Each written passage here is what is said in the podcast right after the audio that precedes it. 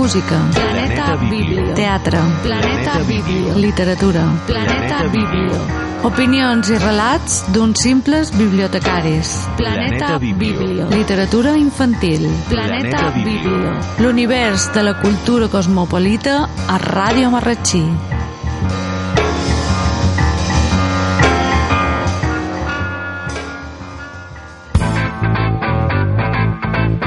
A la biblioteca trobaràs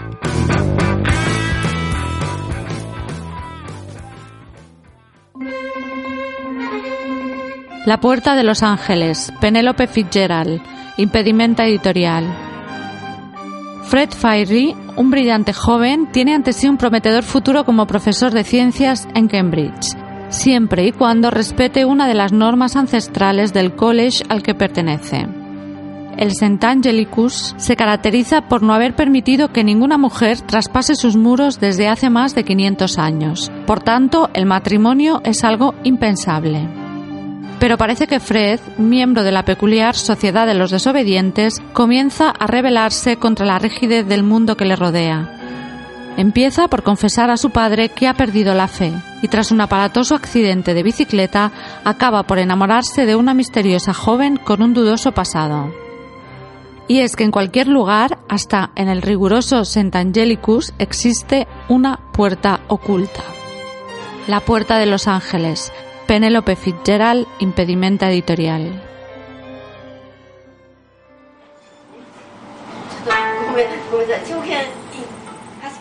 El río de las luciérnagas. Teru Miyamoto, Ediciones A. Conforman la obra Río de Lodo y El río de las luciérnagas, que son dos novelas con afinidad temática y argumental.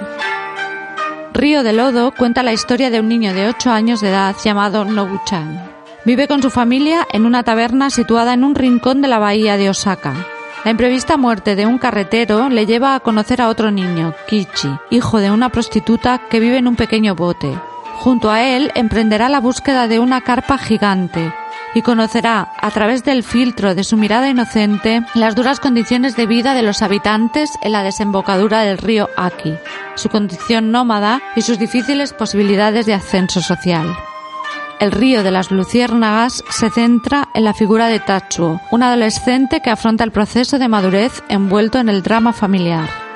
Su padre sufre un ictus y aboca al negocio que regenta la quiebra. El descubrimiento del amor y de la propia sexualidad, así como la revelación del pasado oscuro de su padre y la incertidumbre del futuro serán los temas principales, sostenidos por la aspiración de Tatsuo de ver, por lo menos una vez en la vida, uno de los espectáculos más sorprendentes de la naturaleza. La congregación de las luciérnagas en la desembocadura del río Itachi tras la última nevada de primavera. El río de las luciérnagas, Teru Miyamoto, ediciones A.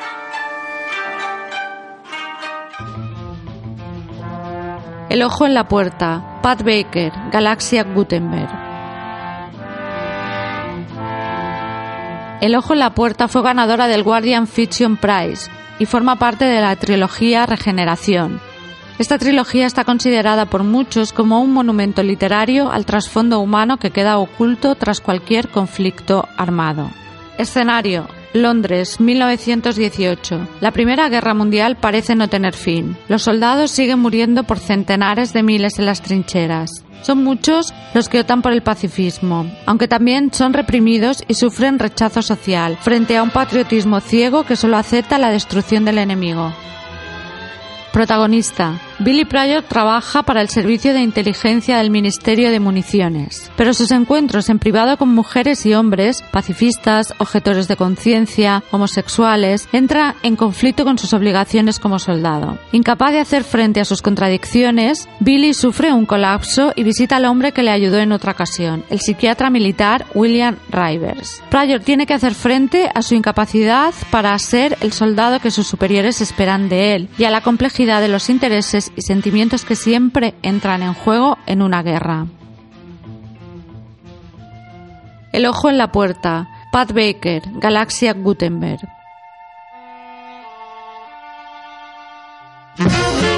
Planeta Biblio. Música, literatura, relats curts, opinió, entrevistes, teatre, literatura infantil.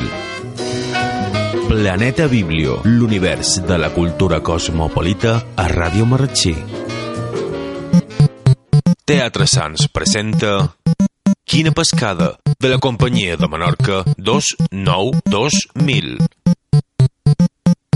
Quina pescada, dia 14 i 15 de maig a Teatre Sants. La companyia menorquina 29-2000 presenta Quina pescada, obra de pallassos per a petits i grans. Necessitam moltes mans per agafar tant de peix. Teatre d'autor, divertit i participatiu en què Jordi Pérez i Anselm Serra interpreten els pallassos Suli i Monjaco. Suli i Monjaco, dos germans tossuts, despistats i molt, molt malcriats. Teatre Sants presenta Quina pescada de la companyia de Menorca 29-2000. Quina pescada, 14 i 15 de maig a Teatre Sants.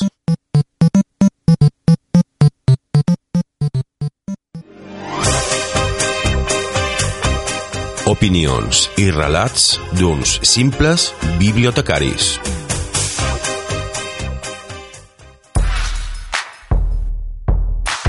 Venjança. Un relat original de Julio Encala. Venjança.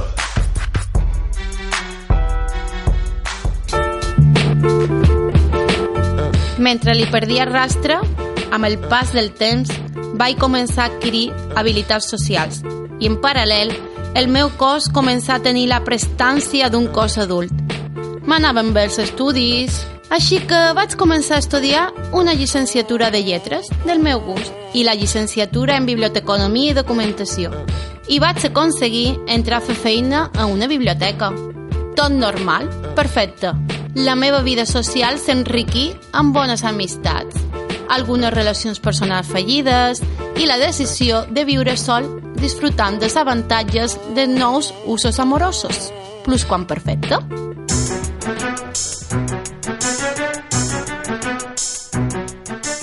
Cabró, el vaig tornar a veure fa uns 10 anys. L'havia perdut de vista un any després d'aquell maleït dia. Ni ell ni el seu germà s'adaptaren al batxillerat i desaparegueren completament de l'institut. A més, la meva família es traslladà de casa i van canviar el meu estimat barri per un altre, així que tampoc vaig tenir l'oportunitat de modificar la meva opinió respecte a ell. I aquesta, no cal comentar-ho, era negativa. No m'equivoc, era especialment negativa.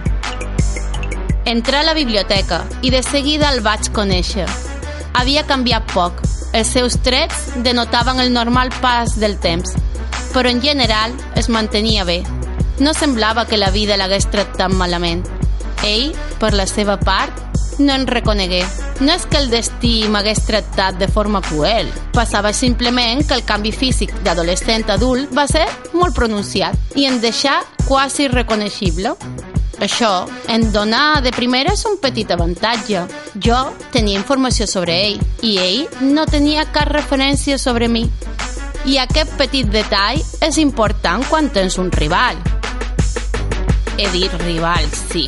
Podria canviar el nom i dir cabró enemic, però ho suavitzarem. I acarnissament és propi de gent poc elegant. Sí, el meu rival, perquè vaig decidir quan entrar per la porta que aquella persona seria el meu rival, el rival perfecte. La persona mereixedora de tot el meu odi pel mal que m'havia fet aquell dia. I pel que no m'havia fet. Ell pagaria per tot el mal que m'havia arribat i pel mal que, en potència, m'esperava. Ell seria el redemptor sense possibilitat de resurrecció. Seria la persona que expiaria tots els pecats passats i futurs comesos contra la meva persona. Jo també sé gastar tot un arsenal. No ets l'únic, ho sento. Però les pel·lícules no sempre acaben bé. No sempre es té la sort de cara. L'havia sentenciat.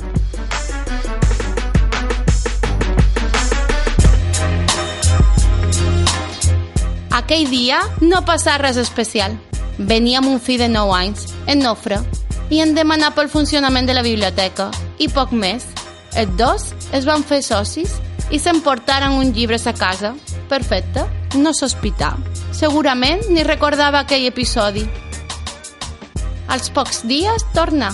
Vaig notar que el seu comportament era semblant al comportament d'adolescent. La seva arrogància seguia intacta. Més civilitzada, evidentment, que la d'èpoques juvenils, però arrogància al cap i a la fi. En començar a parlar del seu lloc de feina. Era cap de vendes d'un concessionari de cotxos, del seu trasllat recent a una casa de poble, un veritable palau, segons les seves paraules, que havia aconseguit a molt bon preu pels seus bons contactes. Sí, ja ho sé, una conversa apassionant, veritablement apassionant. Terriblement com era? Ah, sí, apassionant. En comentar també que ell i la mare tenia molts plans per en Nofre. De moment, l'havien apuntat als entrenaments de l'equip de futbol local i en relació a la seva educació l'havien matriculat a una escola privada de prestigi que distava uns 10 quilòmetres del centre del poble. Així, de primeres, vaig notar que era molt comunicatiu, Antoni. Parlava molt, molt, principalment de la feina, de les seves amistats i de la seva economia. Ah, i del seu fill. El seu fill, precisament d'ell volia jo parlar.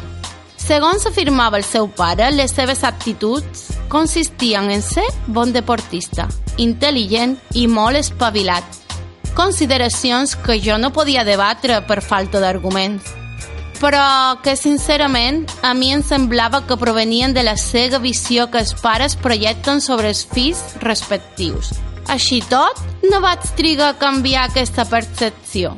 Estava equivocat, molt equivocat. En Nofre realment valia. Tenia moltes qualitats. La més interessant, la més que me va agradar, va ser la seva capacitat típica de persones intel·ligents d'absorbir les influències externes de les quals pogués treure profit. Interessant, vaig pensar. Molt interessant. A poc a poc vaig començar a guanyar-me la seva confiança, sense cap privilegi especial.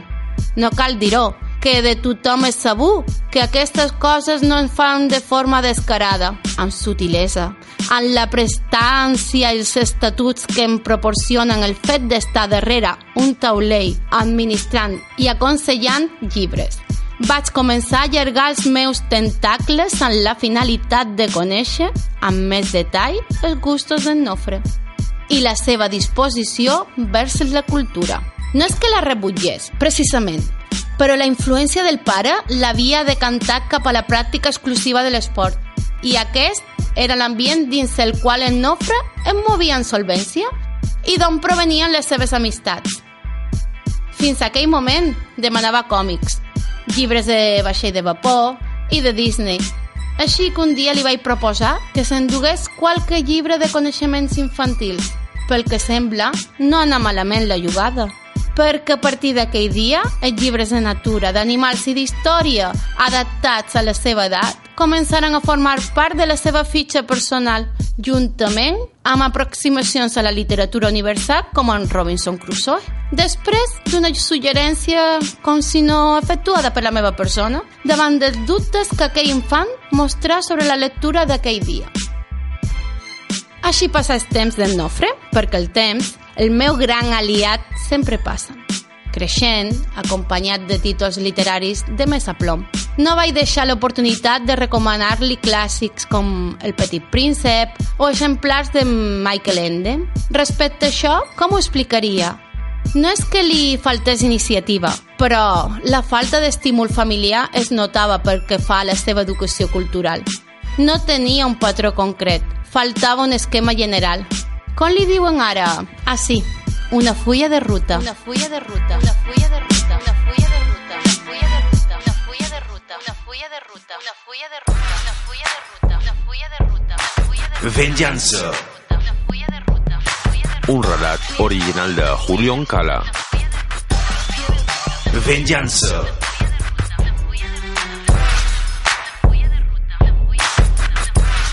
Una fulla de ruta.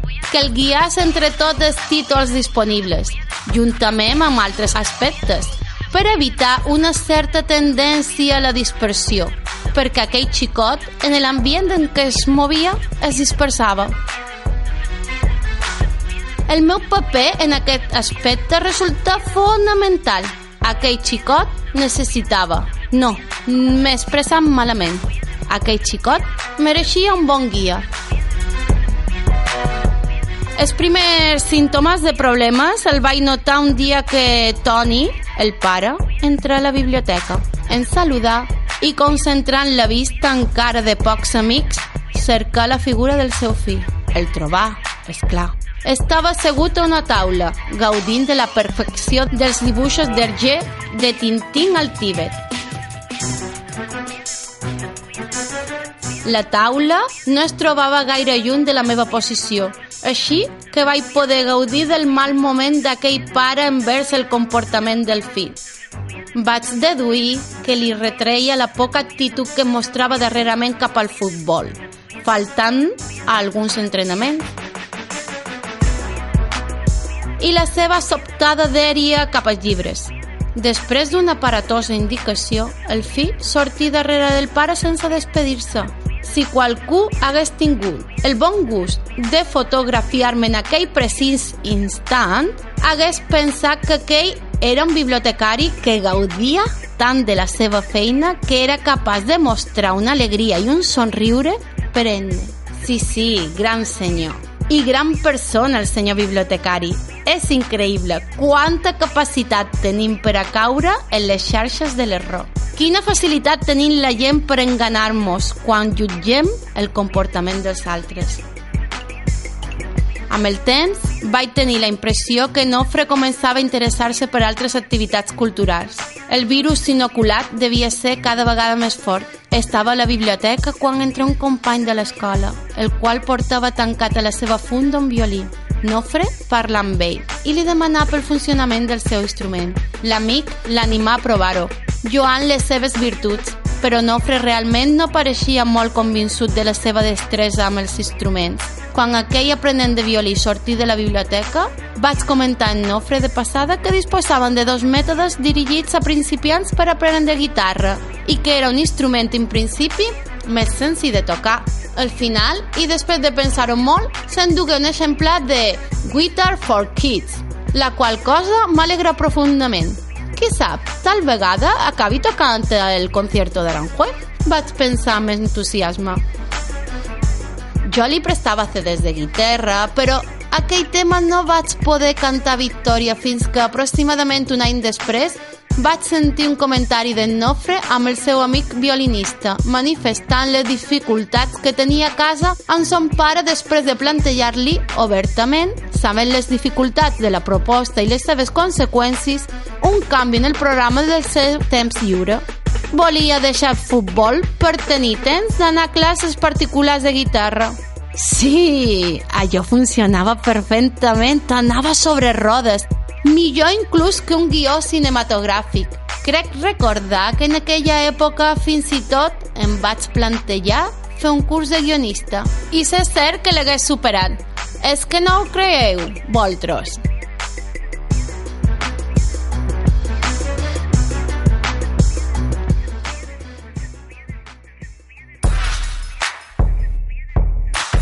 Venjança. Un relat original de Julio Encala. Venjança.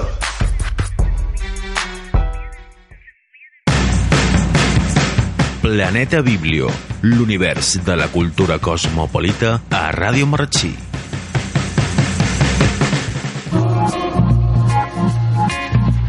Música para feos. Lorenzo Silva, Destino Editorial. No pasaba por mi mejor momento, en ningún sentido, ni en lo laboral, ni en lo personal, ni en la correspondencia de mi mente y mi cuerpo con lo que prefería que una y otro fueran. Es curioso lo poco que gobernaba nuestra existencia, porque esa noche, en vez de estrellarme, encontré lo único, hermoso y limpio que de veras he tenido. Se conocen por azar en un local nocturno en el que ninguno de los dos pinta gran cosa. No han tenido mucha suerte en la vida, ni les quedan demasiadas esperanzas de tenerla alguna vez. Música para feos. Lorenzo Silva, Destino Editorial. En cuanto se hubo marchado, agarré los auriculares y salí a la calle. A paso vivo fui hasta el retiro, y una vez dentro caminé, ya más despacio, hacia el Palacio de Cristal. Era una hermosa tarde de junio y el aire, cálido y quieto, invitaba a sentarse a la sombra. Así lo hice, con el palacio a la vista. Respiré hondo y busqué la canción. Era una cantante poco conocida que me había tropezado por azar en la red. Se llamaba Vicky Gastelo y la canción Si tú piensas en mí. No sé dónde agarrarme, que no se mueva. He ido plantando flores en arena. No sé dónde tocarme, que no me duela. Mejor será alargarse que darte pena. Si tú piensas en mí, si no ha dejado de doler, si no has vuelto a dormir. En cuanto se hubo marchado, agarré los auriculares y salí a la calle. A paso vivo fui hasta el retiro, y una vez dentro caminé, ya más despacio, hacia el Palacio de Cristal. Era una hermosa tarde de junio y el aire, cálido y quieto, invitaba a sentarse a la sombra. Así lo hice, con el palacio a la vista. Respiré hondo y busqué la canción. Era una cantante poco conocida que me había tropezado por azar en la red. Se llamaba Vicky Gastelo y la canción Si tú piensas en mí.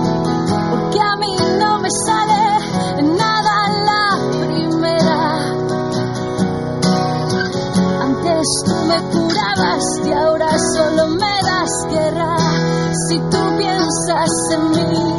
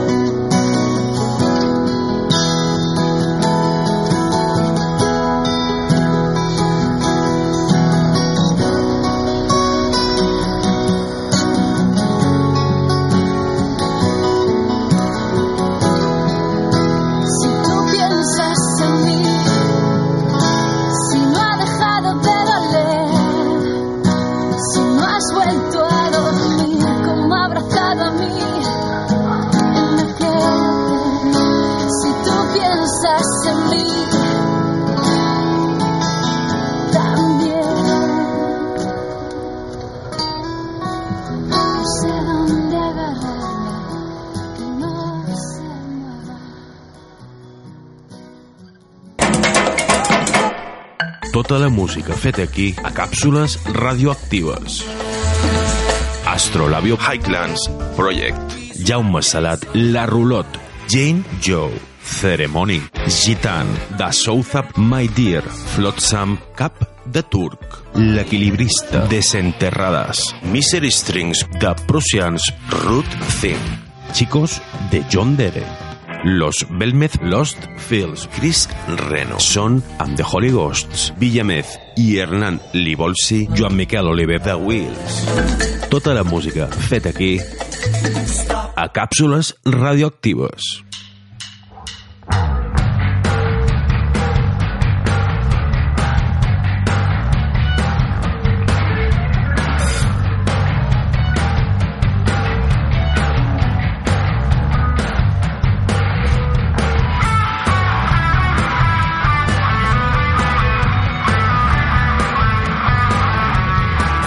Lost Fields presenta Ave, Titola.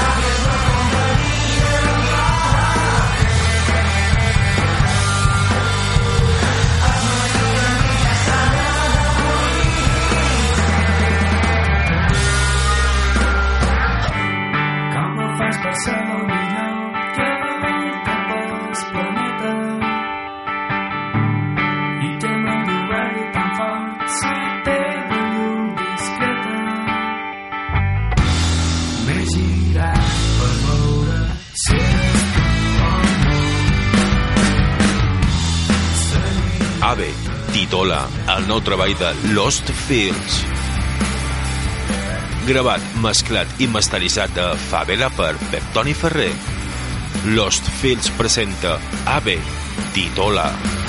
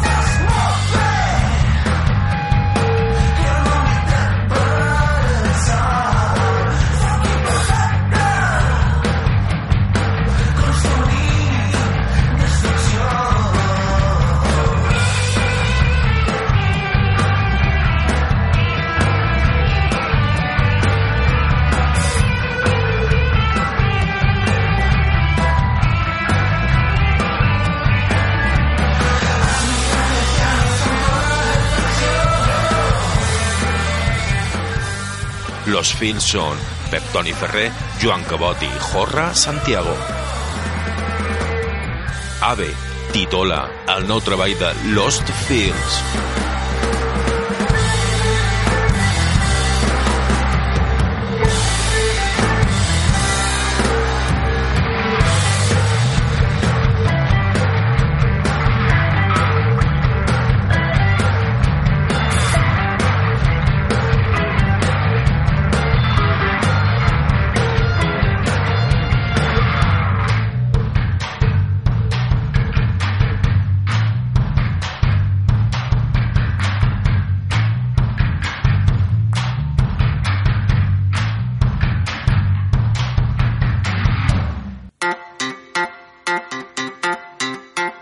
I ara, lletra menuda.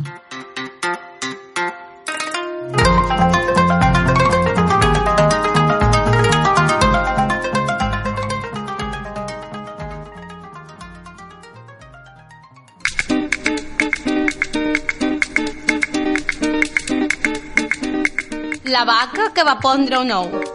Andy Cookville. RBA Edicions. La Margalida estava deprimida. ¿Qué tens, Marga? Lo que llaman las gallinas. Ai, no encén gens especial, va dir la Margalida. No puc anar en bicicleta, ni fer acrobàcies, com fan les altres vaques. Troc que som tan vulgar. Aquella mateixa nit, les gallines van empescar-se en un pla molt ingeniós.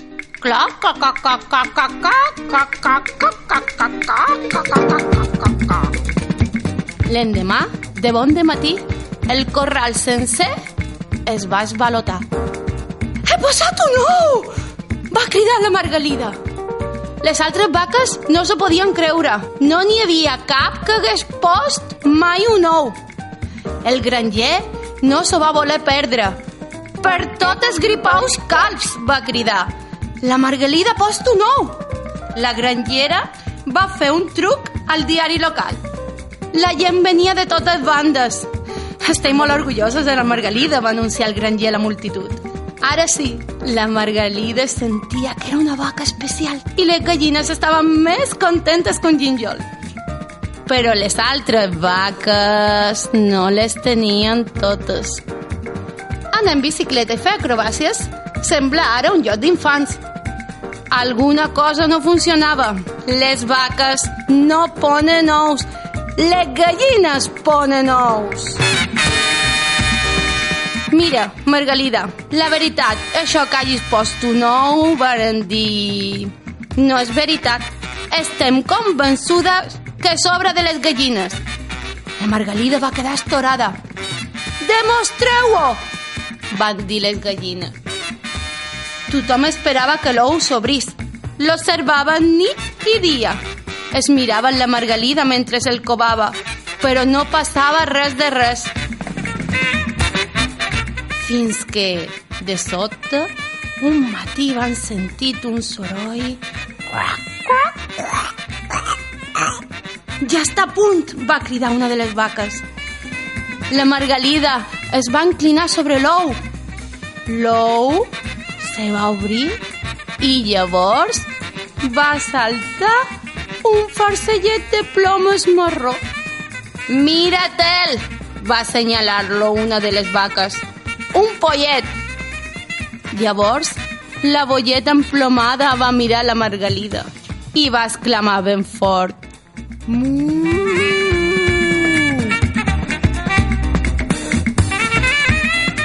La Margalida va somriure i va agafar el seu bebè.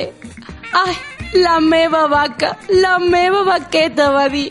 Te posaré de nom Turuleta.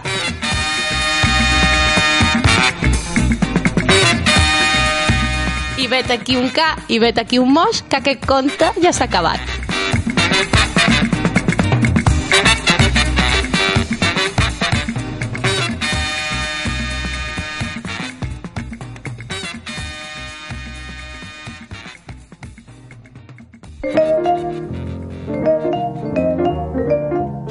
Som un artista, Marta Altés, Blacky Little Books. Som un artista, igual que la meva mare, però tenim una manera molt diferent de veure les coses. Jo veig art a tot arreu, però em sembla que ella no. Allà on jo veig la solitud de la pastanaga abandonada, la meva mare hi veu el sopar sense acabar. Allà on jo veig una finestra oberta al món, la meva mare veu un desastre al menjador. Crec que no m'entén. Però no puc parar de crear. Les millors obres d'art que he fet aquesta setmana són Blau número 10, Blau número 11, Blau número 12. Aquest és el meu autorretrat múltiple i em pens que aquesta es dirà primavera l'hivern. Són boníssim, no ho puc evitar. Tot m'inspira. M'encanta la natura. Els colors, el moviment, les textures i les formes. Però hi ha un petit problema. La meva mare. No sé què li passa. Pot ser no li fet massa cas darrerament. A veure què puc fer perquè es trobi millor. Um, ja ho sé, crearé alguna cosa especial per a ella, però ho he de planejar bé. Ha de ser espectacular. Estic impacient perquè es desperti. Ai, espero que l'agradi. L'he titulat Oda a una mare. Som un artista, Marta Altés, Blacky Little Books.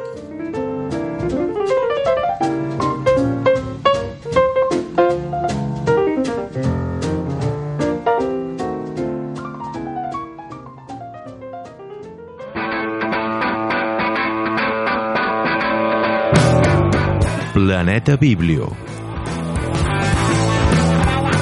Un magazín de l'univers cultural a Ràdio Marratxí. Planeta Biblio. Àrea de Cultura, Ajuntament de Marratxí.